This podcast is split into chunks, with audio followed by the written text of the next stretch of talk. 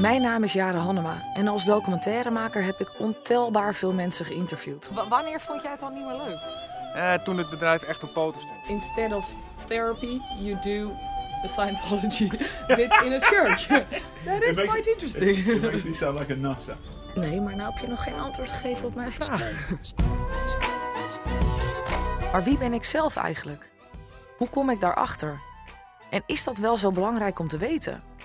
In de nieuwe podcast Wie ben ik echt? wil ik samen met mijn gasten deze zoektocht aangaan.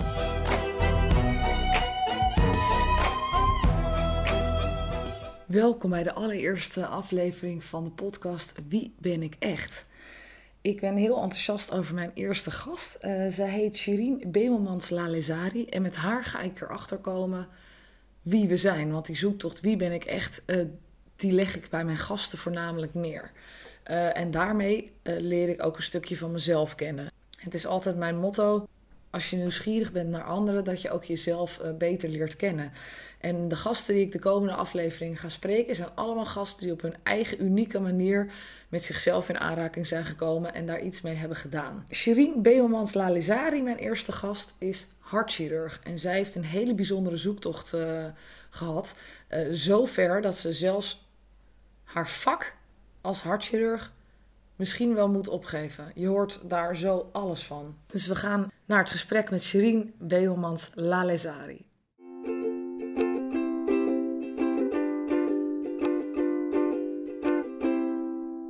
Ik ben super blij dat je mijn eerste gast bent ja, in de podcast Wie ben ik echt? Omdat jij een hele bijzondere uh, carrière hebt. Want ik vind het heel speciaal. Jij bent een vrouwelijke hartchirurg. En ja. volgens mij is dat redelijk uniek. Tenminste in mijn optiek.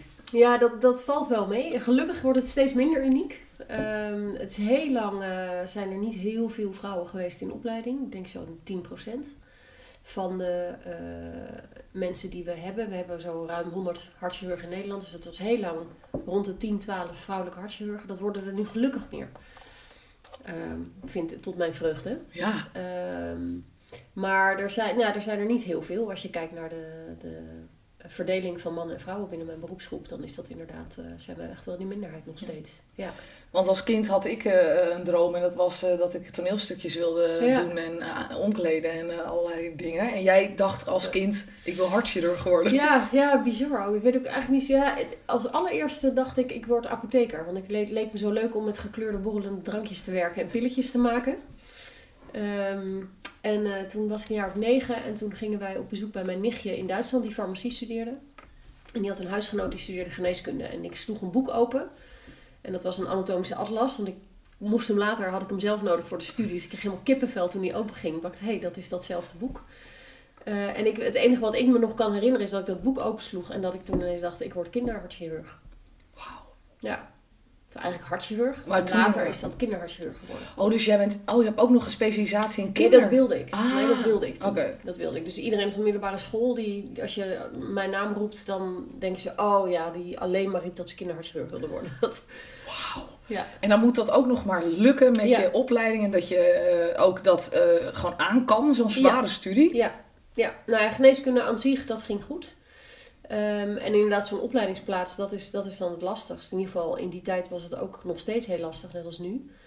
Um, plus dat daar echt nog wel meer nog de vooroordelen bestonden dat je dat, dat lukte je toch niet. En ik weet nog als co-assistent dat ik een artsassistent uh, meeliep met hem en uh, dat hij zei, goh, wat wil jij dan eigenlijk worden? Ik zei, nou, thoraxchirurg. En toen keek hij me aan en zei, ja, dat lukt je toch nooit.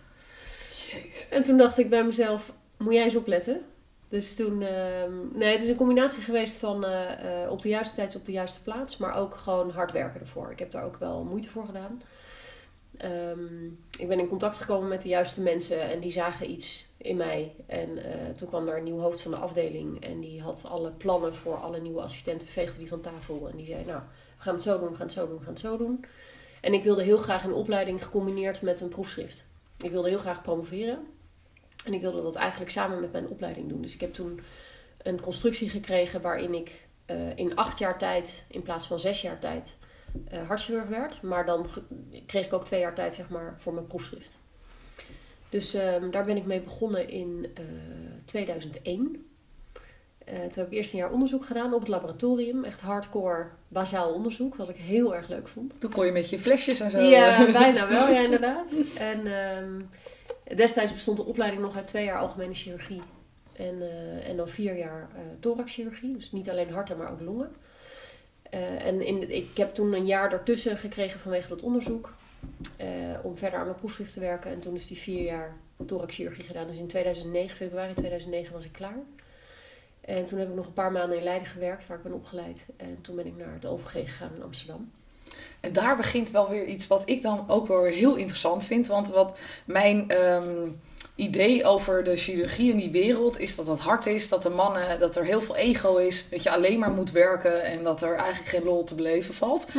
En nou las ik in jouw verhaal van eh, dat eigenlijk terug dat jij ook zei van, hè, ik, uh, ik wil geen 80 uur in de week werken, uh, ik wil ook nog andere dingen ja. doen en mezelf uh, ja. hebben nog. Ja. Maar dat is, dat is natuurlijk een beetje ingewikkeld als zo'n zo'n wereld al zo vast zit. Heel ingewikkeld. Want hoe, hoe is dat voor jou gaan het moment dat jij voelde van nou, dit is toch dit is wel een beetje heftig? Nou, ik moet heel eerlijk zeggen, de, toen ik in het OVG kwam werken, was het een hele gemoedelijke groep. Dus dat waren inderdaad mannen. Ik was de enige vrouw, maar ze waren al vrouwen gewend. Uh, als een van de weinige groepen. Dus ik, ik voelde me daar echt helemaal thuis. En het was een warm bad vergeleken met waar ik vandaan kwam. En uh, dat ging eigenlijk allemaal heel goed. Toen um, werd ik zwanger van mijn eerste kind. En uh, dat ging eigenlijk ook allemaal goed. Dus er werd heel erg meegeleefd. Er werd heel erg op me gelet. Uh, je mag geen diensten meer doen na 19 weken. Nou oké, dan doe ik dat dus ook niet meer. En dat bleek inderdaad zo te zijn. En ik moest uiteindelijk eerder met verlof vanwege een hoge bloeddruk. Nou, dat was natuurlijk heel vervelend. Ook voor hen. Maar werd geen, met dat, dat was eigenlijk geen probleem. En toen ik uh, terugkwam van mijn verlof, ben ik, heb ik één dag ouderschapsverlof opgenomen in de week. Nou, dat was eigenlijk ook geen probleem. Ik ben toen ook meteen in de rol van uh, vakgroepvoorzitter, of unitvoorzitter noemden we dat toen, gerold. Want degene die dat deed, die ging met pensioen toen ik met verlof was. En de mensen die er zaten, die hadden andere taken of werkten niet lang genoeg in het ziekenhuis. Dus ik moest wel. Nou, management stond niet heel hoog op mijn wensenlijst. Uh, opleiden wel daarentegen. En ik had tijdens een assessment, toen ik daar werd aangenomen, kwam ook uit dat ik meer coachend ben dan sturend. Mm. Dus ik dacht, dat past ook heel erg bij mijn wens om op te leiden, want dat, dat vind ik uiteindelijk het leukst. Um, maar goed, het, het, moest gebeuren. Dus ik dacht, weet je, ik kan hier heel erg tegen aan gaan hikken, maar laat ik het maar zien als een leerschool van vier jaar waar ik heel veel ga leren en ik kijk wel. Nou, dat ging op zich allemaal goed. Um, en toen werd ik zwanger van mijn tweede kind. En um, die zwangerschap verliep wat gecompliceerder in die zin dat ik uh, enorm last kreeg van mijn bekken. Terwijl ik altijd vond dat dat allemaal niet bestond en dat het aan oh, ja. Oh shit, ja. Maar nu had ik het zelf. Mm. Dus ik kon amper lopen. Ik kon laat staan staan. Dat ging al heel moeizaam. Dus ik kon vanaf week 15 eigenlijk niet meer opereren. En vanaf week 30 uh, zei mijn gynaecoloog ook, je gaat nu gewoon naar huis. Want je loopt hier veel te veel. Ja. Alleen al van je kamer naar het secretariaat is al de dubbele afstand, of driedubbele afstand van wat je thuis uh, aflegt. Dus Ja. uh, wegwezen. En ehm, nou ja, dat ging ook nog allemaal. En in die tijd rommelden er wat uh, dingen in de vakgroep waar ik als unitvoorzitter mee, iets mee moest. Maar goed, ik was met verlof. Dus toen ik terugkwam, kwam dat allemaal weer terug. Ik moest revalideren, nou, allemaal toestanden. En toen was de jongste één en de oudste dus drie. En toen merkte ik gaandeweg dat, het steeds, uh, dat ik het steeds moeilijker vond om naar het werk te gaan. Mm. En het begon eigenlijk met zo'n knauwtje in je maag. Dat je dan wakker wordt en denkt, oh god, ik moet weer. En dat ik ook meteen me daar wel bewust van was en dacht, hé, maar dat ken ik niet. Want ik kreeg altijd echt letterlijk vlinders in mijn buik van het opereren. Of van het idee dat ik ging opereren. Ja, daar, daar, ik bedoel, er is niks mooiers dan dat. Dus ik dacht alleen maar, er klopt hier iets niet. Er gaat hier iets niet goed. Ik zal, het zal wel moe, moeheid zijn of tropenjaren of noem maar op. Nou, dat werd eigenlijk alleen maar erger en erger. Dus ik had een kort lontje, ook naar de kinderen, naar mijn man, naar mezelf. Naar iedereen om me heen eigenlijk. Um, en er waren wat mensen op mijn werk waar ik al veel mee gewoon kletste. Twee van mijn onderzoeksassistenten onder andere. En uh, daar hadden we natuurlijk ook wel eens over, over de tropenjaren. En over dat het best wel lastig is om te, kind, jonge kinderen te combineren met vier dagen werken. En dan ook nog zo'n baan. Waar Nou, je ja. om half acht 's ochtends moet je er zijn. En je weet eigenlijk nooit hoe laat je thuis komt. Nee. En dan heb je nog diensten en dan nou ja, alles erop en eraan. Dus die wisten wel dat ik dat lastig vond. En die zeiden ook wel van, goh, ja, je ziet er ook wel wat vermoeider uit. En uh, et cetera. Nou, toen was het juni 2015. En toen uh, kwam een van die dames bij mij op de kamer om iets af te geven. En die zei, hoe is het eigenlijk met je? Oeh. En dat was zo'n oprechte vraag, dat ik het enige wat ik dacht was niet huilen, niet huilen, niet huilen. En toen dacht ik, dat is gek. Ja. Als iemand vraagt hoe het gaat. Als iemand Ja, vraagt ja, hoe het gaat en het enige wat ik wil doen is huilen, toen dacht ik, daar klopt hier iets niet. Dus ik eh kletste daar overheen. Ik zei, ja, druk en je weet hoe het is. En hè, meestal houden mensen dan wel op en Ja. zij niet. Wauw, wat mooi. Dus, eh, ja, dus ik ben er nog altijd eeuwig dankbaar Ja. dat ze dat heeft opengebroken toen. Dus ze Ja. bleef maar doorvragen en doorvragen. Maar hoe is het dan en hoe voelt dat dan? En goh, wat vervelend. Dat je, vind je dat dan niet rot dat je de kinderen zo weinig ziet? En nou, toen uiteindelijk na een uur ging ik. Ik zat daar brullend op mijn kamer. Oh. En eh, ze schrok zich helemaal rot. Maar ik zei ook alleen maar, dit is alleen maar goed, want dit moest eruit. Ja, ja. En, eh, en toen wist ik ook wel vanaf dat moment, er is, hier moet ik iets mee doen. Want dit, dit gaat gewoon niet meer, ik wil niet meer terug. Nee. Dat was echt een soort point of no return voor mij. Nee, en ja. eh, toeval wilde dat ik, toeval bestaat dan niet denk ik altijd. Dat mijn allerbeste vriendin die in het buitenland woont, die dag daarna in Nederland was. En wij hadden die dag afgesproken. Dus ik had die dag al vrijgenomen. Dus ik kwam thuis s'avonds. Sorry. En ik vertelde het aan mijn man en ik begin nog harder te huilen. En ik rijd de volgende dag naar die vriendin toe en ik ben huilend onderweg. Ze doet de deur open en ik ben alleen maar door aan het huilen. En vier uur later hield ik eens een keer op. Wauw. En dat moest er blijkbaar helemaal uit. En wat er precies aan de hand was, weet ik niet. Maar ik weet wel dat ik heel sterk voelde hoe het nu gaat, is niet hoe ik het wil. Ik wil niet die red race met vier dagen in de week mijn fantastische werk. Maar dat gaat nu gewoon ten koste van mijn gezin en van mijn kinderen en van het plezier wat ik beleef aan het hebben van kinderen en van een gezin. Ja, en het, en het je werk waar je zo hard voor hebt gestudeerd, Ja. waar je wel natuurlijk blij mee moet zijn. Ja, Ja, en daar ergerde ik natuurlijk ook groene geel aan alles en iedereen wat daar rondliep. En dat lag helemaal niet aan die mensen, maar het lag aan mij. Ja, Dus ik realiseerde me toen wel heel duidelijk van er moet iets gebeuren. En wat? Geen idee. Maar zoals het was, was niet hoe ik het wilde. En ik realiseerde me ook. Ik heb altijd gezegd, tien jaar geleden bijvoorbeeld, dat mensen zeiden: Oh jeetje, en een thoraxchirurg en ook nog kinderen. En dan zei ik: Nou ja, ik zeg ja, maar ja, dan zie ik ze gewoon wat minder. Dat hoort, dat hoort gewoon bij mijn vak. Dat is gewoon zo. En Ja. dat is ook een gegeven. Als je dat zo op die manier uitoefent, dan zie je ze dus ook minder. en ik realiseerde me pas toen ze er waren dat ik veel meer een oermoedergevoel heb dan ik dacht te hebben. ja dat is mooi. Ja. Oké. Dus ik had ook van tevoren niet kunnen voorspellen dat het deze kant op zou gaan. Want ik dacht oprecht van, nou ja, ik werk gewoon vier dagen. En ja, dan zie ik ze gewoon wat minder. Dat hoort er nou eenmaal bij, carrière en eh, kinderen. En dan heb je dat. Je beseft het natuurlijk niet wat het echt betekent Nee. om kinderen te hebben, totdat je ze natuurlijk eh, in je leven Nee, en de impact die het op jou als persoon heeft. En dat is voor iedereen denk ik persoonlijk. Want Ja. ik heb een vrouwelijke collega in een ander ziekenhuis. Die heeft vier kinderen. Wauw. Ehm, die heeft tot het eind door diensten gedaan, tot het eind door geopereerd. Die wil eh, op buitenlandse missies twee, drie weken. Ja. En die heeft een man die thuis werkt en die, die zeg maar alles regelt thuis. Dat is natuurlijk fijn. Ja. Dat is fijn, maar kennelijk heeft zij ook de behoefte minder. Ja. eh, of geeft ze op een andere manier invulling aan dan ik dat heb om bij mijn kinderen te zijn. ja. En ik merkte ook dat ik dacht, ja, dat we- van mij wijkt dus wel af van, nou ja, wat sommige andere mensen. Want dat werd natuurlijk als vergelijksmateriaal meteen naar voren gehaald. Ik zei, ja, maar dat, zo zit ik gewoon niet in elkaar. Nee, iedereen is anders. Dat kan Iedereen je niet over één kam scheren. Nee. Dus toen eh, zei mijn man, die eh, ook trainer en coach heeft, zijn eigen coachingsbureau. Die zei toen tegen mij van, goh, ik, eh, ik ben laatst bij, gaan assisteren bij een training. Misschien is dat wel wat voor jou. En hij, nou ja, hij, hij heeft, had nooit inhoudelijk iets verteld over die training. En dat heb ik toen ook niet gevraagd. Maar tot daarvoor was het als hij zei van, goh, dat is misschien wel wat voor jou. Dacht ik, nou, eh, dat zoek ik zelf nog wel uit.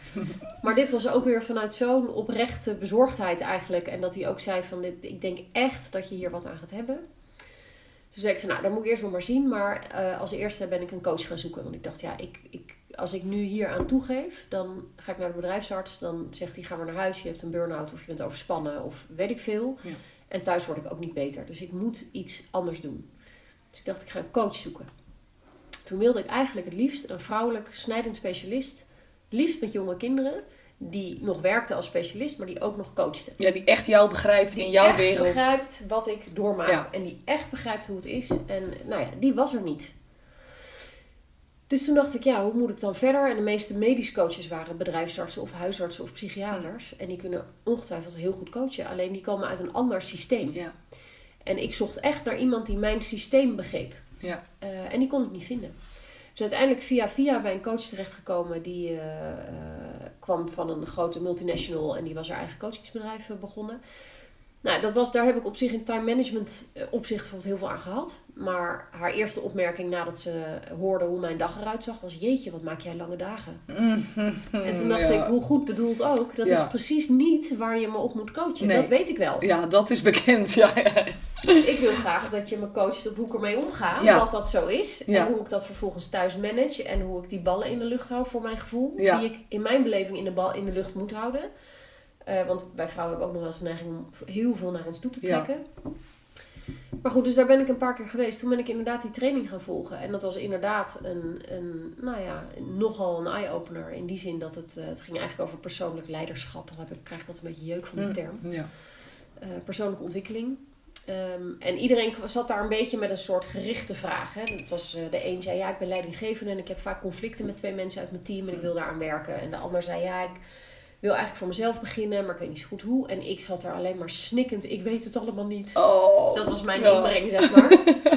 Eh, maar goed, uiteindelijk resulteerde dat wel in dat voor mij nog scherper werd wat ik nou precies wil met mijn leven. Ja. En dat dat eigenlijk, als je kijkt naar mijn vak, dat dat vrij onconventionele keuzes zijn. Ja. Dus ik heb toen de beslissing genomen dat ik eh, na de vier jaar unitvoorzitterschap, dat liep in 2016 af, dat ik dat niet meer verder wilde doen. Terwijl eigenlijk was het een soort van, oh, die Shirin is voorlopig unitvoorzitter, totdat iemand zich aandient die het Ja. ook graag wil. Nou, dat vond ik, was voor mij een heel groot ding om dat te zeggen.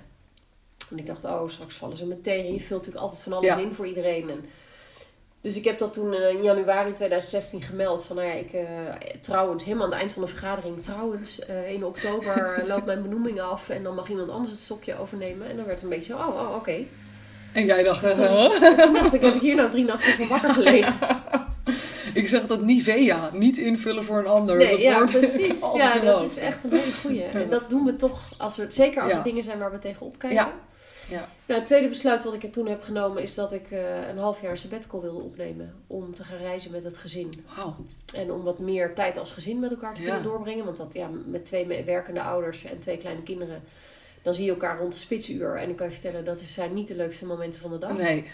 Ook voor de kinderen niet, maar ook voor jezelf niet. Nee. Dus we dachten, ja, we willen toch op de een of andere manier meer tijd met elkaar doorbrengen als gezin. Wat mooi, wat mooi dat je dat hebt gedaan, Ja. zeg. Jeetje. Dus ik heb, nou ja, dat, dat hing ook een beetje af van, mijn, van de reactie van mijn collega's natuurlijk. Hè? Want ik kon dat wel willen. Maar het zou natuurlijk fijn zijn als dat zou worden gedragen. En Ja. ik was wel zo sterk in mijn beslissing dat ik ook dacht, als ze nee zeggen, dan, ga ik, dan zijn dit niet de mensen waarmee ik moet werken. Nee. Dan ga ik hier weg. Eh, dus ik heb het ook een beetje gebracht als een mededeling. Ja, en niet als dat ik ga dit gaan doen, ik ga dit doen. Maar gelukkig waren ze eigenlijk allemaal onverdeeld enthousiast. En, dat- en wa- waren ze niet dan ook geïnspireerd? Ik bedoel, al, al, die, al, die, al die mannen die zo hard werken, die dachten misschien ook van... Hè? Oh, dit, zo kan het ook, of Ja. niet? Ja, ik denk dat ik eh, misschien één of twee mensen wel wat heb geïnspireerd. Eh, mijn oudste collega die, eh, die zei van... Oh, dat had ik ook moeten doen toen de kinderen nog klein waren. Maar nu kan het niet meer, want nu zijn zij al opa. En Ja. dat is een totaal ander verhaal. Ja, Dus die zei van, nou geweldig dat je dat doet. En ik wou dat ik dat had gedaan. Maar toen was het echt Ja. In mijn vak is het nog steeds done. Ja. Maar, eh, en een andere collega die ging helemaal enthousiast mee de reizen uitstippelen en weet ik veel. Maar daar, zit, nou, daar kunnen we het straks nog wel uitgebreider over hebben. Daar zit wel een dingetje, denk ik, bij mijn collega's. Maar het is, het is grappig hoe zo'n patroon dus in zo'n wereld ontstaat. Ja. Want ergens is dat bedacht. Je Ja. kan dat natuurlijk anders inrichten. Je hebt natuurlijk een verantwoordelijke baan, Ja. uiteraard. Eh, maar dat wil nog niet zeggen dat je je hele leven ervoor op moet geven. Maar dat is blijkbaar toch het idee. Dat je hebt Ja. er hard voor gestudeerd. En In, dus mijn, is vak, dat... in mijn vak is dat wel eh, nog steeds, en het wordt gelukkig iets minder, maar het is over het algemeen nog steeds gangbaar dat dat zo gaat. Ja. Oké. Ja, je hebt hiervoor gekozen. Je bent eh, de maatschappij verschuldigd om dit vak fulltime uit te oefenen. Na alle investeringen die de staat in jou heeft gedaan. Dat heeft letterlijk een collega tegen mij gezegd. Ook nog eens, jeetje. Oh, Ja. dat is ook wel Dus intens. zo, zo zitten ze daarin. En ehm, ik denk dat er ook veel... Nogmaals, allerlei aannames en ik chargeer. En er zijn natuurlijk uitzonderingen en al die dingen. Maar ik denk dat met name binnen mijn vak... En dat is het enige waar ik het over kan hebben. Ja. ehm, is er ook heel veel ego, wat je al zei. En heel veel statusgevoeligheid. Ah, ja. En op de een of andere manier wordt status gekoppeld aan fulltime werken Mm, ja. eh, en aan geld. Status en geld wordt sowieso gekoppeld overal, dus in dat opzicht is dat ook niet vreemd. Eh, en wat mij is opgevallen nu door de keuzes die ik daarna nog ben gaan maken, is dat heel veel van mijn collega's Eh, en nogmaals weer steeds minder. Maar met name de ouderen, die hebben hun hele zijn, hun hele identiteit opgehangen aan het vak. Maar dat is een hele interessante wat je zegt. Want ehm, ik merk dat heel veel mensen dat, dat doen. Ehm, dat wat jij doet, dat ben je. Ja.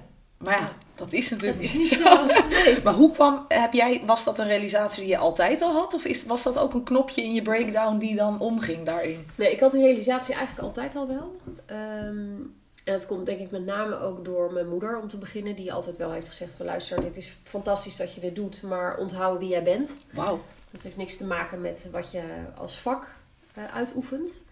En ook omdat natuurlijk koos voor een nou, niet zo makkelijk vak, zeg maar. Mijn Ja. moeder bekende later dat ze er hard vasthield toen ze zei dat toen ik vertelde dat ik in opleiding was. Omdat ze dacht, oh god, nu gaat het echt beginnen.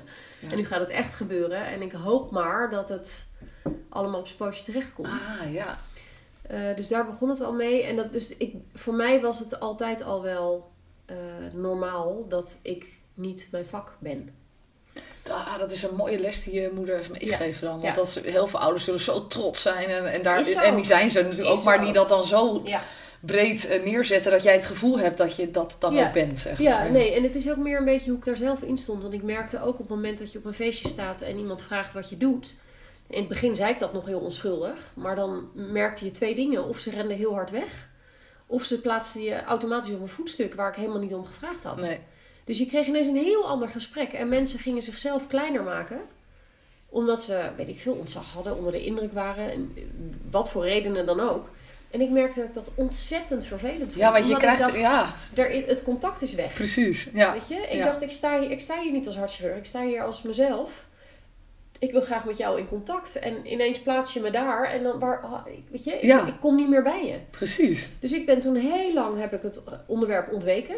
Dan zeiden mensen, wat doe je? Dan zei ik, oh, ik werk in het ziekenhuis. En dan flop, ander onderwerp. En dan gaan ze automatisch vanuit dat je dan een assistent bent Ver- misschien. Of, ja, oh ja, ja, ja. ja.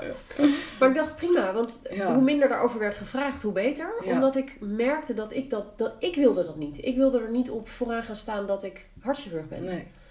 Want dat is het vak wat ik uitoefen. En we zeggen dan, ja, ik ben hartchirurg. Ja, dat, dat, is, het, dat is wat ik doe. Ja, je bent het niet. je bent inderdaad. het niet. Maar dat is ook de spreektaal die Ja. we hebben. Waardoor dat voor heel veel mensen die er natuurlijk niet over nadenken. Ja, op een gegeven moment als je dat maar vaak genoeg zegt. Exact. Dan werkt dat zo. Net zoals met je naam. Ik ben, Ja, ik zeg dat nooit. Ik ben Jaren Hannema. Ik, Nee, Heet. ja. Ja, precies. Maar goed, dat zijn nou dingetjes. Maar ja, het is zo'n patroon Ja. natuurlijk van mensen. Ja, dat en die, die training heeft er wel voor gezorgd. In ieder geval, die reden is niet zozeer die training specifiek. Maar ik denk iedereen die een paar dagen even goed eh, door de mangel wordt gehaald, Ja. ehm, heeft dat wel nog bevestigd. En nog wel versterkt ook. Dat ik dacht, ja, maar ik, ik ben niet... Hè, mijn eigenwaarde hangt niet af van het feit dat ik hartchirurgie bedrijf. Nee. Maar wist jij wel goed wie je wel was op dat moment? Eh, nou, op dat moment niet. Nee, totaal niet. Ik voelde me geleefd aan alle kanten. En ik was helemaal uit het oog verloren wat ik eigenlijk wilde. Dat, en dat zorgde er natuurlijk ook voor dat ik zo zagrijnig werd. En een kort ik was echt niet zo gezellig in die periode. En, ehm, en wat fijn was, alleen al aan die drie dagen even op de hei, letterlijk. Midden in de hei, midden in het bos zaten we. eh, was om even drie dagen weg te zijn van alles en iedereen. Ja. En dat is wel, eh, eh, dat, dat heb ik wel nodig, merk ik ook. Als het, als het me even boven het hoofd groeit, dan moet ik even, al is het een dag, maar even met mezelf. Ja. Daar kan ik weer makkelijker door opladen. En maar toen was ik het echt volledig kwijt. En doordat je dan en door de mangel wordt gehaald en echt weg bent van alles waar je normaal in zit, merk je ook dat je makkelijker to- tot jezelf komt. Ja. En dan gaat natuurlijk, er gaan allerlei processen hebben ermee te maken. En die- heel veel tranen zijn er gevloeid. En Ja. natuurlijk. Ja. Maar de energie die ik had toen ik eruit kwam, nou, dat is echt... Wauw. Ja. Al na drie dagen Ja, al na drie dagen. Maar dat is wel interessant. ehm, dat jij al zegt, al, eh, ik denk ieder mens het nodig heeft. Om, e- je kan jezelf alleen vinden doordat je er tijd voor jezelf Ja. neemt. En eh, het is natuurlijk ook onze maatschappij die dat inderdaad ietsje lastiger maakt. Desalniettemin kan je altijd een- je eigen keus maken. Om gewoon tijd voor jezelf te nemen. En Ja. zorgen dat je ja, voelt wat jij wil. En Ja. dan, want wat ik altijd verbazingwekkend vind, is dat, dat mensen heel lang, ik denk soms wel 30, 40 jaar, in een baan zitten of in een leven zitten, een huwelijk zitten, waar ze doodongelukkig in zijn, omdat ze niet willen kijken of, of de tijd inderdaad niet nemen. Het is vaak, niet. ja, durven niet, angst. Ja. En dat is inderdaad zonde. En dan moet er dus blijkbaar dan iets heftigs gebeuren. Maar som- in sommige Soms levens gebeurt dat niet. Nee. En dan is het gewoon slapend. eh, Ja, en ik, ik realiseerde me in die dagen dat ik eh, niet iemand wil zijn die op zijn sterfbed terugkijkt en denkt, had ik maar. Ja. Dus dat gaf voor mij ook doorslag om dat sabbatical gewoon te gaan doen. Dat ik dacht, ja, maar ik ga niet... Weet je, nu kan het. En natuurlijk kan het. Het kan nu ook en het kan volgend jaar ook. En het, bij wijze van. Maar het was toen ook met... Hey, Jasmijn die werd bijna vijf. Dus we konden nog voor de leerplicht. En allemaal, het was allemaal wat makkelijker. Waar zijn jullie naartoe geweest? We zijn eh, negen weken gaan reizen door Thailand en Australië. Oh, fantastisch. Ja, ja, en dat was echt... Als ik nu weer naar die foto's kijk, dat was echt geweldig. Het was slopend, want met twee kinderen van twee Ja. en vier. Ik had wat irreële verwachtingen van die reis. Dus dat- ik ben daar flink op mijn neus gegaan wat dat betreft. Maar ook weer heel leerzaam. Maar het fijne was ook nog dat we terugkwamen en dat ik daarna nog bijna vier maanden had. En dan zeg ik altijd gekscherend om te doen alsof ik een normaal leven had. Ja. Want zo voelde dat ineens. Ik kon de kinderen naar school brengen en naar de crash brengen. Ik kon ze ophalen. Ik kon eh, afspreken met mensen eh, om koffie te drinken. Ik kon nieuwe mensen ontmoeten. Ik, ik, ging een, ik kon sporten. Ja. Ging een wereld ineens voor me open. En een wereld waarvan ik wist dat die er was. En waarvan ik altijd dacht, oh, dat zou toch wel heel fijn zijn als dat ook kan. Ja. Maar ja, met mijn vak kan het niet. Ja. En toen merkte ik van, ja, maar dit is toch wel... Dit, op deze manier zit ik veel beter in mijn vel. Maar toen moest, ja, maar wil je dan wel uit zo'n leven? Want dan dacht je niet van, nou, het is wel even lekker zo. Een beetje koffie drinken, lekker maar relaxed. Nee ik, merkte, nee, ik merkte wel. Ik was het jaar daarvoor al, toen ik uit die training kwam. Want ik ging daarheen van er moet iets veranderen op mijn werk. En uiteindelijk aan het eind van die training zei ik, ja, ik heb heel veel dingen veranderd. Maar ik weet nog steeds niet wat ik moet doen met mijn werk. En toen zei hij, nou, daar hebben we het dan nog wel een keer over. En daar had ik met mijn man een gesprek over. En die zei toen op een gegeven moment, wat, wat wil je? Wat wil je zonder belemmeringen? Dus of het kan Ja. of niet en of het realistisch is of haalbaar, maakt allemaal niet uit. Wat wil jij? En toen braakte ik echt van alles uit. Dat ik mijn eigen tijd wilde indelen en een goed inkomen wilde houden. En dat ik de kinderen naar school kon brengen. En dat ik zelf kon bepalen wanneer ik kon beginnen. En nou, enzovoort enzovoort. En toen zei hij, heb je wel eens aan coaching gedacht? Dus ik verslikte me bijna. Want ik dacht, ja, de coach die zijn vrouw aanraadt om te gaan coachen. dat is, Ja, hè, dat is wel mooi, ja. en er komt er nog een coach bij bij al die 500.000 coaches Ja. die we in Nederland al hebben. Dus wat moet ik daar? Maar dat zaadje was toen wel geplant. En ik realiseerde me, want ik zei van ja, wat heb ik nou te bieden als coach? Waarop hij mij weer verrast aankeek en zei: Ah, heb jij toen je studeerde, ik heb heel lang bij de kindertelefoon gewerkt. Ah, ja. Dus daar was al, daar begon het al een beetje. Hè, dat, dat, mijn drijfveer is mensen helpen. Dus of ik dat nou doe door met mijn vingers in haar hart te gaan poeren, of dat ik dat doe met een gesprek, dan ben ik ook iemand aan het helpen. Dus dat heeft me altijd al wel aangetrokken. Ehm, een vriendin van mij die zei toen ik het zei, zei ze, oh, maar dat is helemaal jouw ding. Dat is helemaal, want jij doet niet anders. In gesprekken die wij hebben, doe jij niet anders. En toen dacht ik bij mezelf, oh, oh. Dus toen ging ik er wat anders naar kijken. En toen dacht ik, nou weet je wat, ik ga in mijn sabbaticals nadenken en kijken wat ik daar dan mee wil.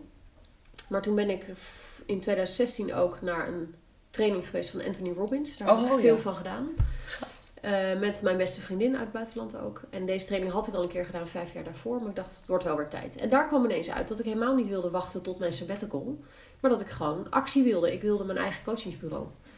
Dus ik ben toen ik terugkwam naar de KVK gegaan. En ik heb mijn bedrijf ingeschreven. En op advies van mijn man een website gemaakt. Kaartjes laten printen. En toen niks. Want ik dacht, ik moet dit eerst met mijn collega's bespreken. En dat is natuurlijk heel ingewikkeld. En hoe ga ik dat dan daarnaast nog doen als ik vier dagen aan het werk ben? En ik heb de woensdag met de kinderen. Wanneer ga ik dan coachen? Ga ik dan avonden coachen? Nee, dat wil ik ook niet. Nee.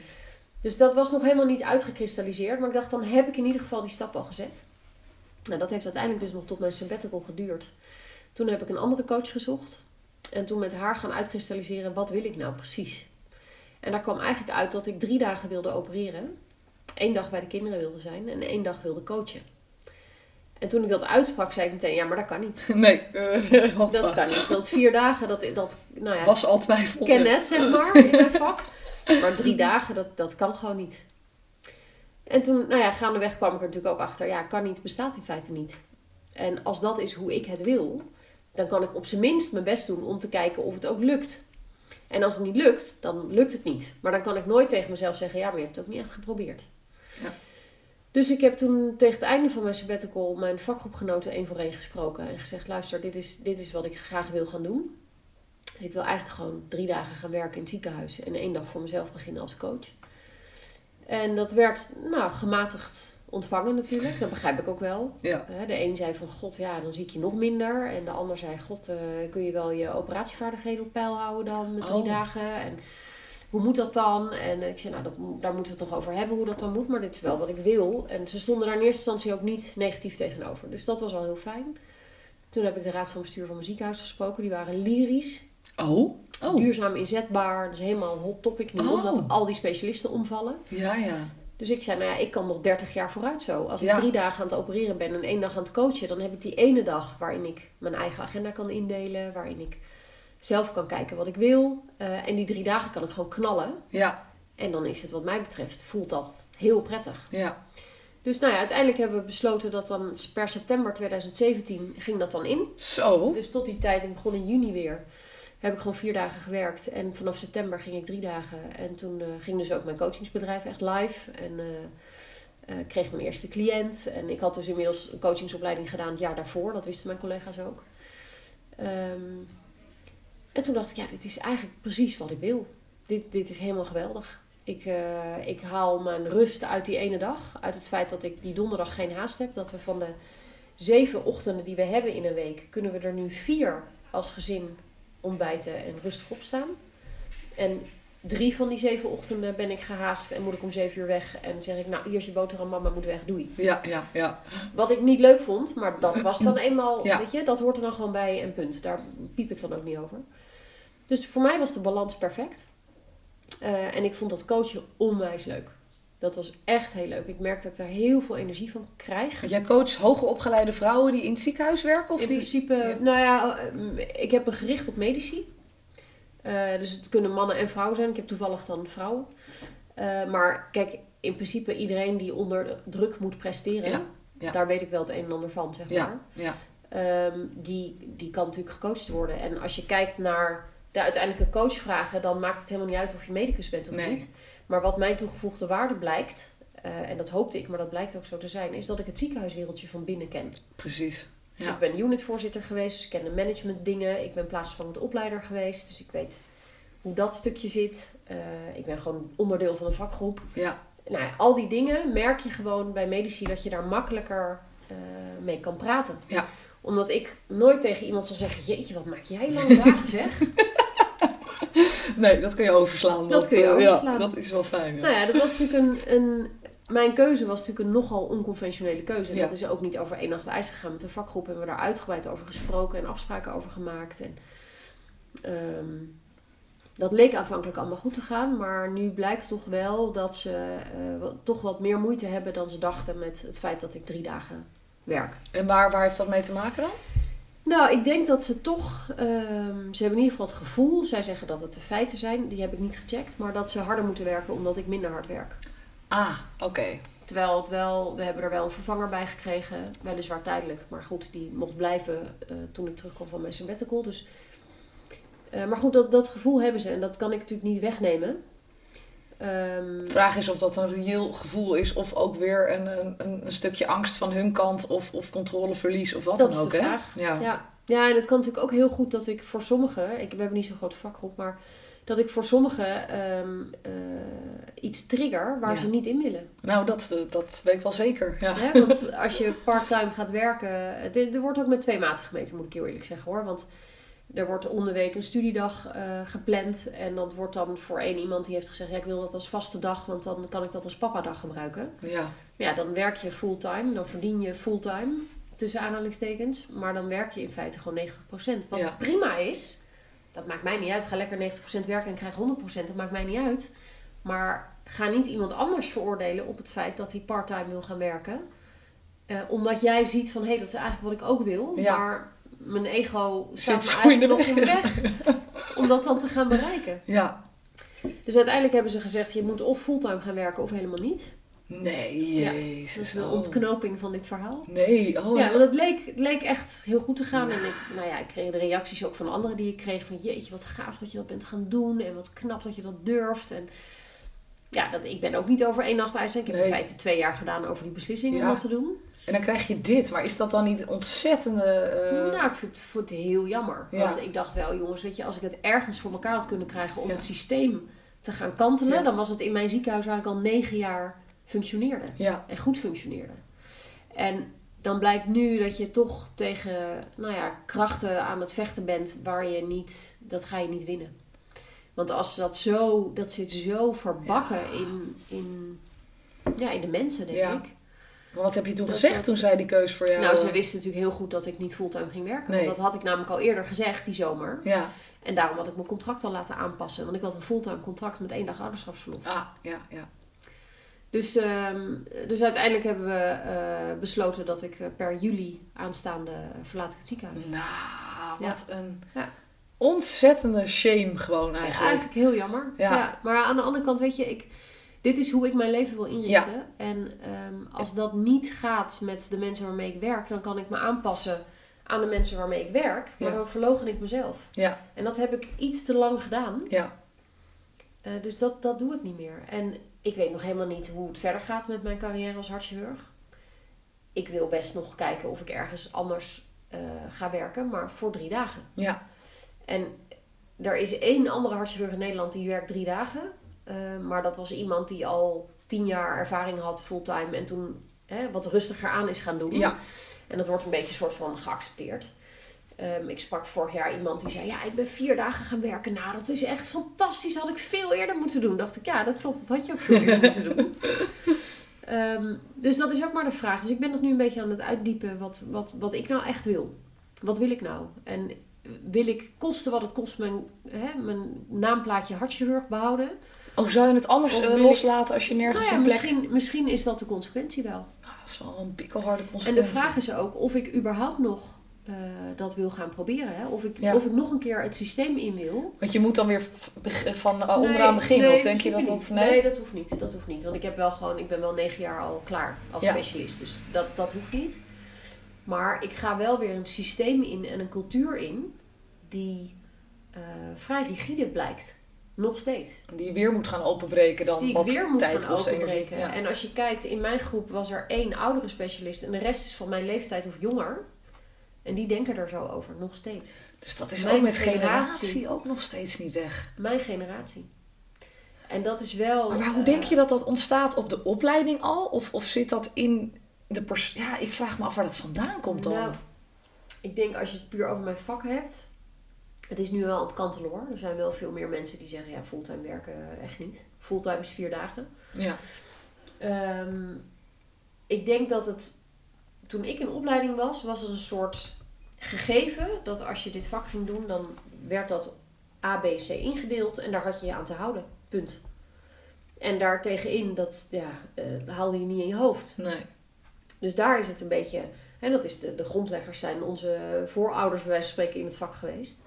En het vak eist het ook voor een deel van je. Ja. Alleen de inrichting van alles eromheen is iets waarvan ik denk, ja, daar zouden we wel wat meer aan kunnen doen. Plus, op het moment dat ik niet vijf dagen werk, maar drie dagen werk in het ziekenhuis, want ik bleef vier dagen werken in principe. Maar ja, dat coachen, Ja. dat was allemaal eh, hè, niet zo belangrijk. Ehm, be- heb ik veel meer energie. Ja, dat en ik ben veel efficiënter en ik ben veel... Hè, de dingen die ik naast het opereren, ik opereren... Je opereert efficiënt of je opereert niet efficiënt. Nou, ik opereer heel efficiënt. Maar alles wat je daarnaast moet doen... Ja, als je dat in drie dagen moet proppen of in vijf... Natuurlijk ben je efficiënter. Ja. Ja, ik ben een groot voorstander daarvan. Omdat ik denk dat het iedereen ten goede komt. En Ja. als patiënt ook. Maar denk je niet al- inderdaad ook dat, eh, dat mensen die wel over fulltime aan de slag zijn, ook minder scherp zijn natuurlijk in de operatiekamer en eh, fouten kunnen maken? Ik bedoel, dat lijkt me logisch als je hard werkt Ja. en eh, jezelf voorbij rent, zeg maar. ja, dat is op zich wel logisch. Het grappige is wel dat je er ook aan wendt. Ja, om lang te staren, lang te kijken, lang te opereren, Ja. lang te staan.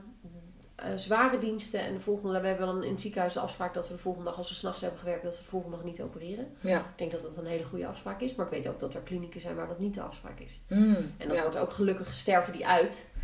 Ehm, dus ik denk dat dat risico is, dat is er, natuurlijk is dat er, maar dat is wel iets minder dan je zo op het oog zou denken, omdat je op de een of andere manier train je dat, Ja. gek genoeg Ja, om scherp te blijven. Als ik, als ik dienst had en ik werd s'nachts twee keer gebeld. Ik weet dat mijn man, die kon echt met verbazing de volgende dag. Die zei, je was echt meteen scherp.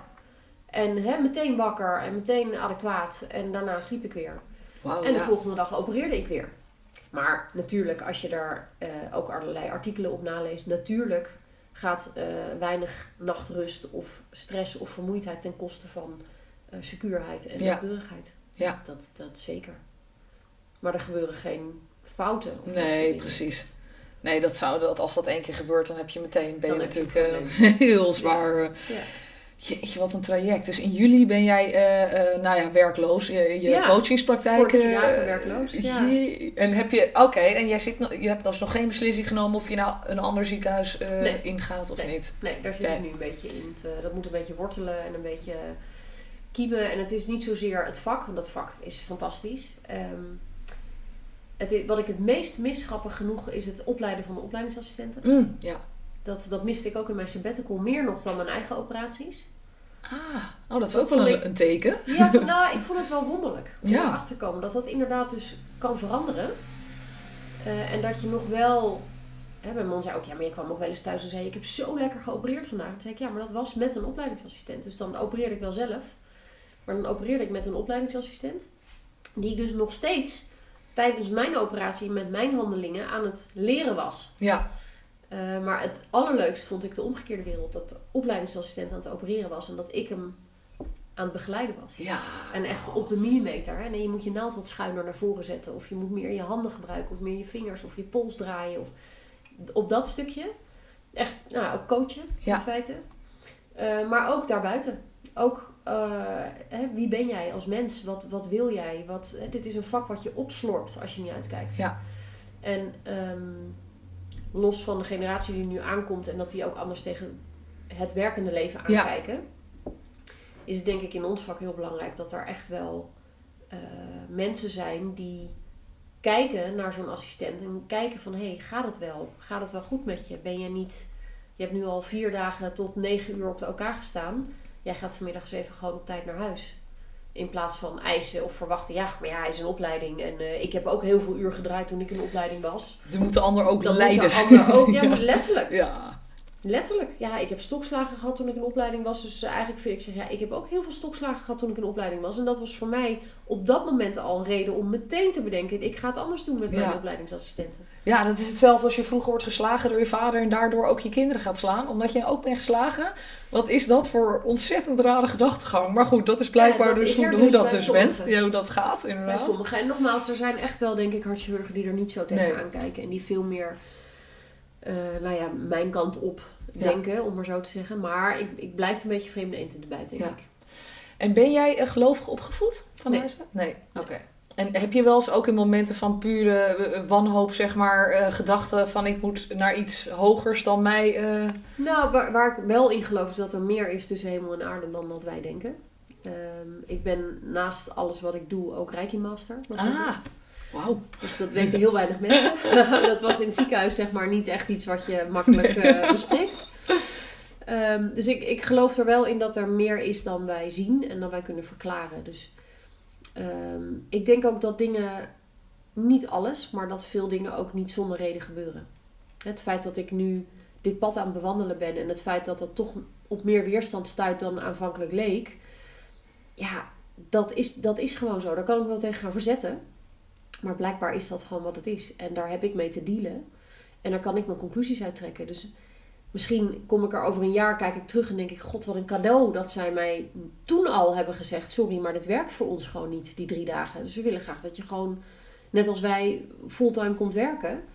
Stel dat ze dat niet hadden gedaan. En misschien hebben ze me wel tien jaar getop bespaard. Ja, Ik weet het niet. Daar Nee. kom ik misschien nooit achter, maar misschien ook wel. Ik weet het niet. Nou ja, ze zeggen toch, Steve Jobs had heel mooi gezegd van... je zal nu niet zien hoe de puzzelstukjes in je leven later wel allemaal naadloos op elkaar aansluiten. En dat, als je dat beseft, dan hoeft Ja. ook niks een, een strijd te zijn. Maar ja, dat nee, is... eh, ja. nee, en dat is het dus in die zin ook niet. Want ik, Nee. ik weet je, ik ben, ik groei alleen maar meer. En ik krijg nu ook nog eens een keer de kans om echt stil te staan bij wat ik wil. En hoe ik mijn leven wil inrichten. En wat ik wil meegeven aan mijn kinderen. Wat voor, weet je, wat voor voorbeeld wil je zijn? Ehm, dat, dat zat ook in die drie dagen wel of niet. Dat ik zei, ja, wat, wat, hoe verklaar ik dat dan? Weet je, wat zeg ik dan tegen mijn kinderen? Nou, je moet lekker vooral heel hard je best doen. En dan op een gegeven moment zeg je gewoon, nou weet je, ik ga gewoon lekker drie dagen werken. Ik heb er helemaal geen zin in. Ik zeg, wat is dat nou voor voorbeeld? Ja, Ehm, maar goed, dat is natuurlijk je eigen beperkende overtuigingen. Die je ik denk dat je een heel goed voorbeeld bent. Want jij zegt, eh, iemand die... Ik, ik ben hier en ik kies voor mezelf. Dat is Nou toch ja, het beste voorbeeld? Je hart volgen is iets wat ik, eh, wat ik al heel lang probeer na te streven. En dat is ook de laatste stelling in mijn proefschrift bijvoorbeeld. Eh, volg je hart. Dat is, dat is echt, daar leef ik bij. En jij opereert in het hart. Is het En hart ook een, orgaan waar, waar... Ja, omdat wij zeggen altijd mijn hart. Maar ja, het is Ja. gewoon maar één van je organen. Maar waarom is het, Het is hart wel- zo bijzonder? Ja, het is de motor van je lijf. Het is de motor van je lijf. En het hart is in vele opzichten bijzonder. Ik denk dat mensen oprecht hartenzeer kunnen voelen. Hè, waar we het wel eens over hebben. Ehm, het mooie is dat eh, eh, je hart buiten het lichaam blijft nog even doorkloppen. Zonder iets. Dus het is ook wel echt een, in mijn beleving, echt een autonoom orgaan. En natuurlijk werkt het samen met alle andere organen. Maar zonder hart ben je nergens. En zonder hersenen in feite natuurlijk ook niet. Maar dan blijft je hart nog wel kloppen als je hersenen eruit zijn. Dat is wel interessant, hè? Ja. Hey, en als jij ehm, voor, voor mensen die luisteren, die denken: Goh, ik weet, ik weet echt niet wie ik ben. Is, is dat nou eigenlijk ook belangrijk? Wie, wie ik ben, is dat belangrijk? Wat zou je dan zeggen? Ik denk dat mensen daar zelf achter komen of ze dat belangrijk vinden of niet. Kijk, sommige mensen vinden het gewoon niet zo boeiend om daarover na te denken. En dat is prima.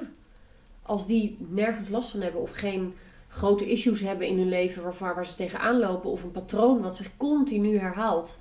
Hè, dat, dat is meestal een teken aan de wand. Dat je, dat je op een gegeven moment achter je oren krabt en denkt, hmm, misschien moet ik iets anders gaan doen. Ehm, maar dan hoef je nog steeds niet te gaan graven naar wie jij bent als je daar geen behoefte aan hebt. Dat, ik denk dat dat, dat dat de mensen gaat helpen die ook oprecht ehm, gericht zijn op groei. Ja, Persoonlijke groei. En eh, mijn bedrijf heet Grow. Ah, oké. Eh, vanuit dat perspectief ook. Ik help mensen groeien. Oh. Eh, groeien naar, ja, naar authenticiteit. Ik denk dat, dat het heel moeilijk is om echt authentiek te zijn en te blijven in de maatschappij zoals die nu is. Ja, dat is absoluut uitdagend. En met name omdat je natuurlijk ook van huis uit, ik denk dat hoe je bent opgegroeid en wat je ouders in jou hebben gestopt ontzettend belangrijk is. Ik heb dat heel lang onderschat. Is dat je allerlei gedachten hebt die jou dus beperken in ik ben niks waard. Ah, wie ben ik nou eigenlijk? Ja. Wat heb ik nou toe te voegen? Ja, Et cetera. Maar dat gaat zo snel in je hoofd dat je het ook, ook helemaal niet doorhebt dat dat je tegenhoudt in de dingen die je wil doen. nee, dat klopt. En we nemen onze gedachten heel erg serieus. Exact. En onze gedachten bepalen grotendeels onze gevoelens. Ehm, en het mooie is als je op een gegeven moment tools aangereikt krijgt om eh, te herkennen wanneer je die gedachten hebt, waardoor je nare gevoelens krijgt. En hoe je daarmee om kan gaan. Ja, dan, dan ziet je leven er echt wel een stuk zonniger uit. Dan hoef je dus niet eens te graven naar wie je bent. Eh, want sommige mensen weten dat ook al wel. Maar dan is het, gaat, is het meer een stukje hoe ga ik om met mijn eigen brein. En mijn eigen gedachten die ik door mijn eigen filter eh, creëer. Want hoe wij er hebben, moet je maar eens kijken om ons heen. Er wordt heel veel geoordeeld. Mensen oordelen heel snel. Er wordt zelden een vraag gesteld. Zelden. Dat is, nou ja, in mijn vak, en dat ik altijd de vragen stel, inderdaad. Maar het is absoluut waar. Als je op een verjaardag staat, kom ik wel eens terug en dan denk ik... Niemand heeft mij iets gevraagd. Het is niet erg, ik vind het leuk om te luisteren. Ik ook. Maar dat is toch eigenlijk bizar? Mensen doen aannames Ja, en die stellen geen vraag. geen vraag. Maar ja, als het ook niet in je zit, moet je het ook niet verplicht vragen. Want dan wil je het ook blijkbaar niet weten. En dat is ook oké. Dat is ook Maar het is een moet je niet de ander natuurlijk. gaan Nee. veroordelen op iets wat je Precies. niet weet. Omdat je dat, dat doe je op basis van een aanname. En Ja. die aanname en de veroordeling komt alleen maar omdat je naar iemand kijkt door jouw eigen filters. Met jouw normen en waarden en wat er bij jou is ingepompt vroeger. Ja. Terwijl dat kan voor de ander natuurlijk 180 graden anders zijn. Precies. Dat weet je helemaal niet. Ja, natuurlijke nieuwsgierigheid is denk ik de mooiste eigenschap die een mens zou kunnen hebben in mijn eh, visie. Ja. Ja, dat denk ik ook. Hey, en wat als jij nu terugkijkt op alles wat je hebt eh, meegemaakt in, je, in je privé en carrière. Had jij iets eerder willen weten? Zeg maar dat je denkt, Ja, oh, mooie vraag. Die vraag heb ik wel eens eerder gehad. ja, eh, in een, op een congres over de vitale dokter afgelopen oktober. Ehm, en nee, ik had dat niet eerder willen weten. Ik denk dat alles wat er nu gebeurt, gebeurt omdat ik dat pad aan het bewandelen ben zonder voorkennis. Als ik al tien jaar geleden had geweten dat ik nu een eigen coachingspraktijk zou hebben en eh, niet zou weten of ik dit vak nog eh, eh, zou gaan doen of niet, dan had ik de afgelopen tien jaar dat nou, misschien met minder passie mijn vak beleefd of ehm, dingen anders ingericht op basis van voorkennis. Terwijl ik denk het mooie is juist de, de zoektocht naar mezelf van de afgelopen twee, drie jaar. Eh, dat, heeft, dat heeft heel veel opgeleverd. En dat, ik ben tot dat punt gekomen omdat ik het niet wist. exact. Ja, omdat anders ga ik gewoon niet ben- zoeken. Nee, Ja. anders ga je niet zoeken. En ik ben natuurlijk meegevoerd in het stramien van het ziekenhuissysteem. Hè? Ja. Hoe dat allemaal moet en hoe dat zou moeten en wat er van je verwacht wordt. En ik merk dat ik, dat, ik, dat, dat niet bij mij past. Ehm, nee. Is het ook, ehm, ik kan me voorstellen dat er gelukkig dat er meer vrouwen op jouw specialisatie ook komen. Dat dat heel gunstig is voor een bedrijf. Dat er meer een, een, een gezonde balans komt tussen vrouw en man. Omdat vrouwen natuurlijk op zo'n andere manier Ja. aan de slag gaan. Zie jij dat ook zo? Dat dat echt eh, positief Ja, werkt? In het algemeen zeker. Ehm, in de medische wereld ontkomen ze er niet aan, want het aantal geneeskundestudenten nadert, eh, de verhouding nadert de 90% vrouwen, 10% mannen geloof ik, heb ik Oh, laatst gelezen. Oké. Ehm, maar het is ook wel weer zorgelijk dat, je, dat blijkt dat van de meeste studenten twee derde eigenlijk geen arts meer wil worden. Van de geneeskundestudenten, die willen hele andere, die willen management in of die willen hele andere dingen doen. Ah, En waar dat precies door wordt ingegeven, weet ik nog niet. Eh, maar dat is wel een teken aan de wand. En ik denk dat dat een, voor een groot deel te maken heeft met het systeem zoals het nu is. Aangezien wel de generaties veranderen en die dus andere wensen Daar en carrière echt, nummer daar komt echt, ze gaan echt, mijn vak gaat echt in de problemen komen Ja. als ze zich daaraan blijven vasthouden. Dat heb ik ze ook gezegd. Ik zei, als jullie blijven vasthouden aan fulltime, dan ga je, ben je over vijf jaar heb je niemand meer. En ik sprak iemand die in Polen is opgeleid. En die vertelde ook, hij zegt dat probleem is er al in Polen. Wij hebben al een tekort aan opleidingsassistenten voor de hartchirurgie. Omdat dat van de mensen die daar zitten, de zittende opleiders, moet dat fulltime. En al die assistenten zeggen, nou, allemaal nooit niet. Ik ga hem niet fulltime, ik ga wel een andere specialisatie doen. Ik vind dit wel heel mooi dat het zo werkt Prachtig. eigenlijk. Maar goed, Maar het is beter dat je er nu achter komt. Dat je zo echt eh, Nou ja, niet meer... als je eh, erachter komt, maar je moet er ook voor openstaan. Ja. En dat is, dat is nog waar, de, daar, die deur zit nog echt potdicht bij velen, helaas. Ik denk als ik een, zo'n gesprek zou hebben, één op één met een paar van mijn collega's, dat die een heel eind erin meegaan, maar het daadwerkelijk ook doen. Daadwerkelijk ook zeggen, ik ga niet meer fulltime werken, ik wil drie om vier, of ik wil drie dagen, of ik wil vier dagen. Als we het even over de fulltime parttime hebben, want er zijn ook mensen die heel gelukkig zijn met fulltime werken en dat Ja. moeten ze vooral blijven doen. Daar heb ik ook helemaal, dat is helemaal oké. Ik, ik veroordeel die mensen ook niet. Dit is wat voor mij werkt. Ja, Ehm, ik denk dat er heel veel mensen zijn die er zo over denken zoals ik. Maar die dat toch op de een of andere manier... Zit daar nog een blokkade waardoor ze dat niet durven te uiten. Of waardoor dat niet naar buiten komt. Ik weet niet wat het is, angst. Denk ik. ja, dat zal angst zijn. De slechtste raad. Ik, eh, ja, echt, absoluut. Ik, eh, dat is ook grappig. Ehm, ik eh, sta op het punt om orthopedische eh, chirurgen te, te interviewen. Leuk. Ehm, en maar, dat is de moeilijk. Ik heb nog nooit zo'n moeilijk voortraject gehad. Want ze willen alles weten. Dat, wat ik precies ga vragen. Wat voor bewijs spreken. Wat voor camera ik kom. Het is al maanden. Eigenlijk willen ze het liever niet. Want ik heb gezegd. Een, een goed interview werkt alleen. Als we authentiek gaan. Dus niet gescript. Niet uit Nee. je hoofd leren. Nee, dat, ze durven het mij niet. Ik ben al een jaar bezig. De opdracht is goedgekeurd door het management. Maar de orthopeden willen, vinden het zo eng. Dat zij dus niet... We en zijn toen jonge of oude orthopeden? Volgens, eh, volgens mij, eh, nee, volgens mij verschilt het nogal hoor. Want er zitten vrouwen tussen mannen. Maar omdat het ook in een vakgroep waarschijnlijk, als er Ja. twee zeggen nee, dan Ja. is het gewoon jammer.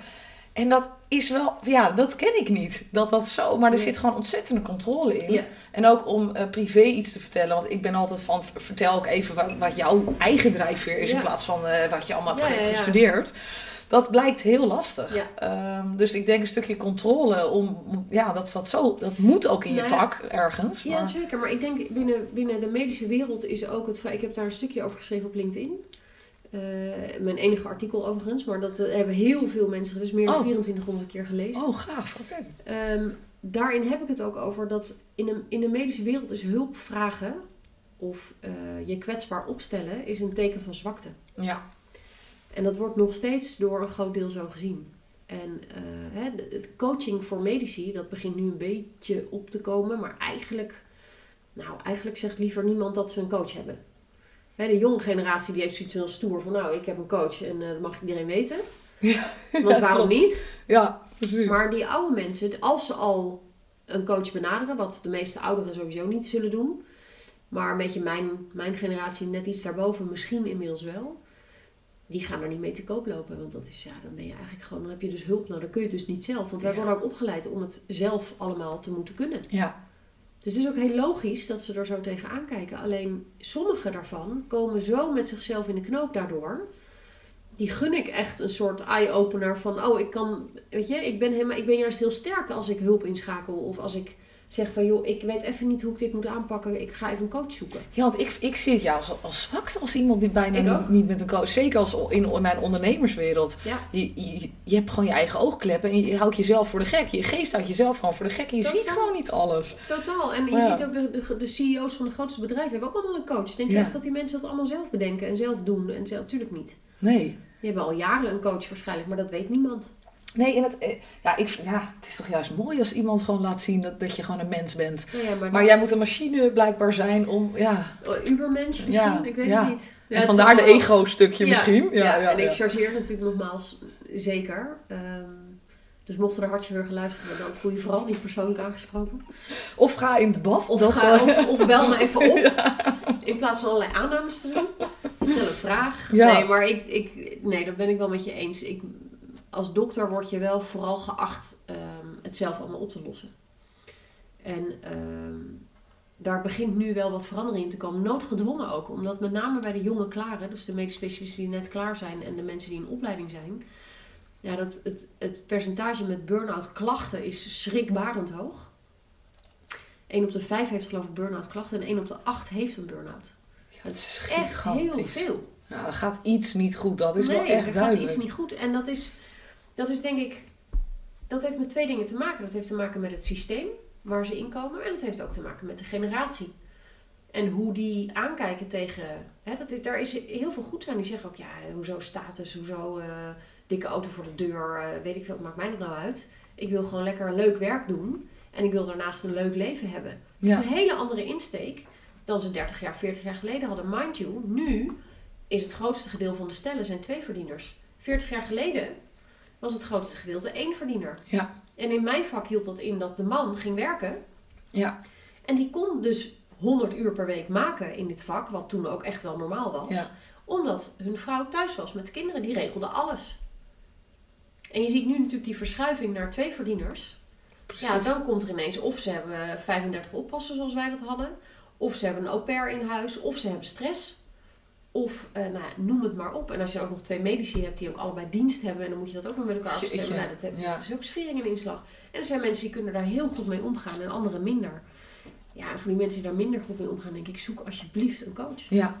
Het is zo zonde om tegen de lamp te moeten lopen om zoiets. ja, en mensen gaan natuurlijk naar elkaar kijken. Dat is Ja. natuurlijk ook altijd eh, een, een gevaarlijke. Van, ja, maar hij kan het wel. Ja, maar zij Ja. doet het zus. Heb ik ook vaak gedacht. Ja, maar die, die interviewt wel over de hele wereld. Ja. Wat, wat? En ik... voel je eh, jezelf meteen ja. minder. ja, Ja, dat is ook menselijk, denk ik, hè, zo, om dat zo te doen. Zo blijf je ook wel, denk ik, ergens geïnspireerd om dus... Want jaloezie geeft ook een stukje inspiratie dat je voor jezelf denkt... hé, hey, ik wil iets wat ik niet heb en moet ik even naar kijken. Als je zo ver doordenkt. Precies, maar vaak is het natuurlijk, ga je in het oordeel en... eh, Ja, ja. precies. Nou, dat oordeel houdt je vaak tegen om echt in actie te komen en echt te kijken wat je echt wil. Wat ik wel mooi vond, het is totaal iets anders. Maar ik, ik, eh, we, zaten, we zitten nu, als mensen dit later luisteren, is nu het hele gebeuren met de ING-topman die een miljoen Ja. extra verdient. Dat de maatschappij verdiende, of dat is dus niet doorgaan, dat de maatschappij zegt: nee, we gaan meteen ba- de bank eh, we gaan leeghalen op naar een ander en we Ja. zeggen: nee, dit accepteren wij niet. Nee. En dan denk je: oh, de maatschappij, als we wel, we hebben dus blijkbaar zeker Heel wel normen en waarden en ontzettend veel macht en het is teruggetrokken. En dan denk ik, dat kan dus op meerdere vlakken. Maar in het ziekenhuis, Ja. nieuwe generatie, gaat het ook doen. Nou Toch? sterker nog, zeker. En er zijn, kijk, het is ook vakafhankelijk. Hè. Er zijn nu al heel veel medische specialismen waar wel gewoon prima drie dagen of vier dagen gewerkt wordt.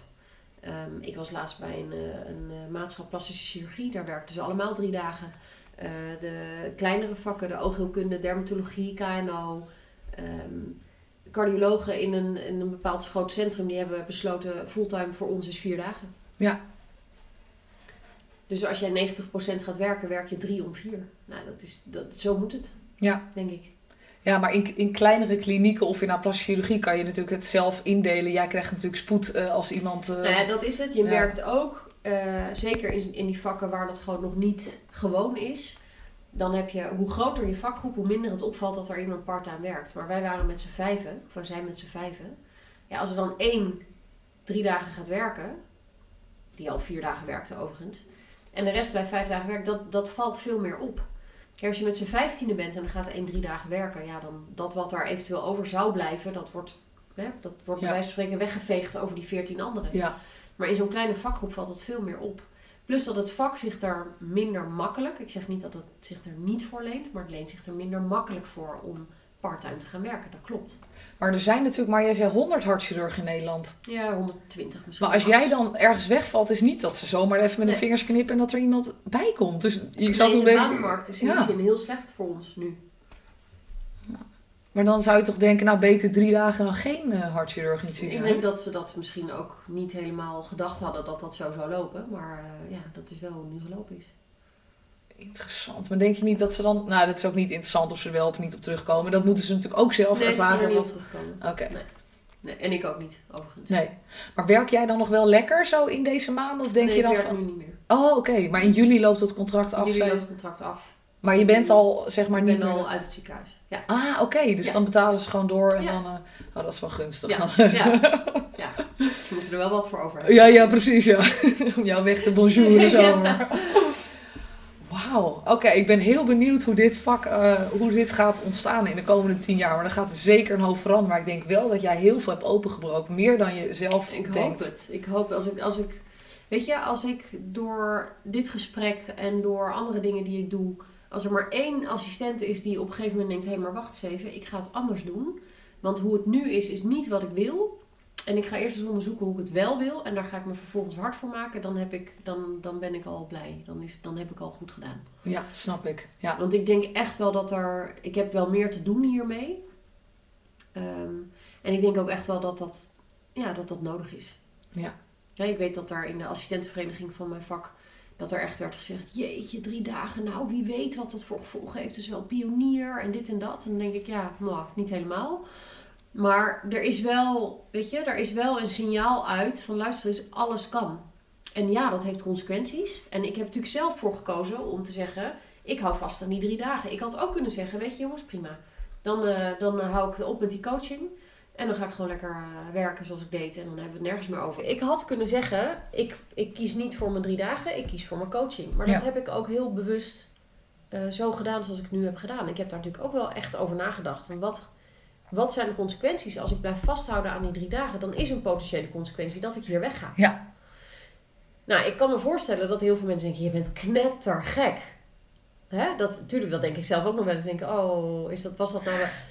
Maar als ik zie wat voor rust het me oplevert... en omdat ik zo naar mijn eigen hart heb geluisterd... en mezelf niet heb verlogend, voel ik me veel beter... Ja. dan wanneer ik daar nu had gezeten en me het schoppers had gewerkt... wat prima is, maar volledig tegen mijn eigen zijn inging.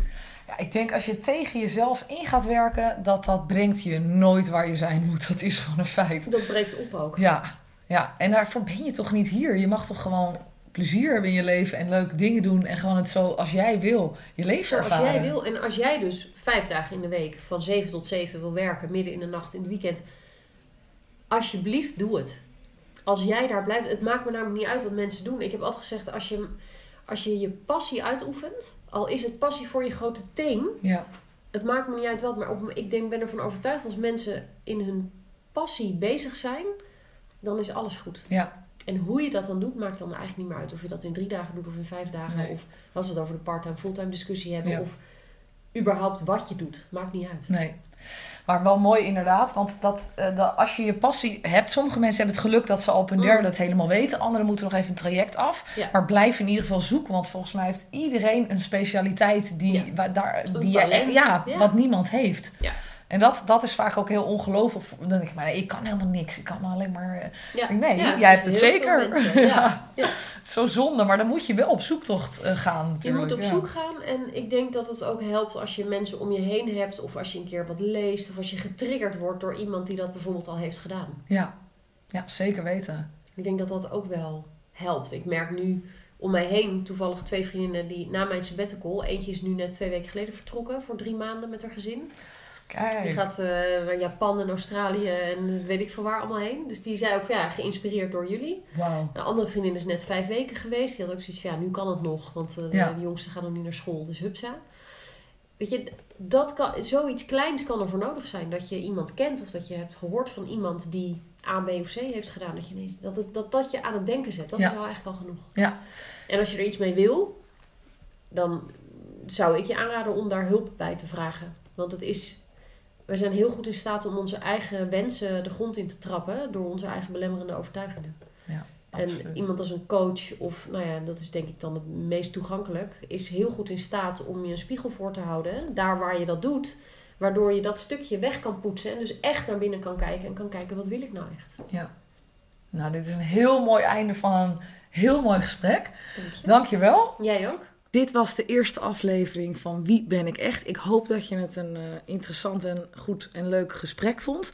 Eh, als je dat vond, wil je dat in een recensie laten weten eh, via iTunes of iCloud of hoe jij deze podcast dan ook luistert. Natuurlijk abonneren op de podcast app. Wie ben ik echt? Want dan kan je alle afleveringen als eerste volgen. Dankjewel voor het luisteren en tot de volgende podcast aflevering Wie ben ik echt?